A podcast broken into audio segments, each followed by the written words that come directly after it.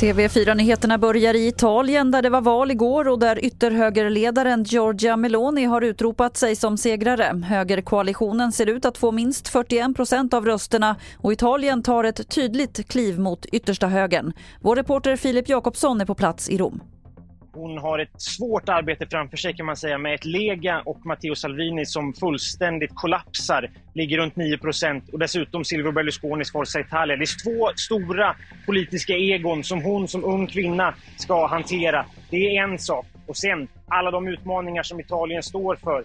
En eh, möjlig covid-vinter, Eh, enormt höga elpriser och så vidare. och Så vidare. Så eh, den utmaningen Giorgia Meloni står inför är onekligen svår. Polisen i Skåne misstänker att flera av de skogsbränder som brutit ut runt Karlskrona kommun den senaste tiden varit anlagda.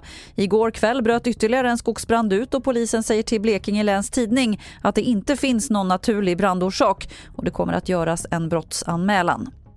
Sent igår kväll la Miljöpartiet fram en motkandidat till posten som riksdagens andre vice talman eftersom de inte känner förtroende för den kandidat som högerpartierna lagt fram, SDs Julia Kronlid.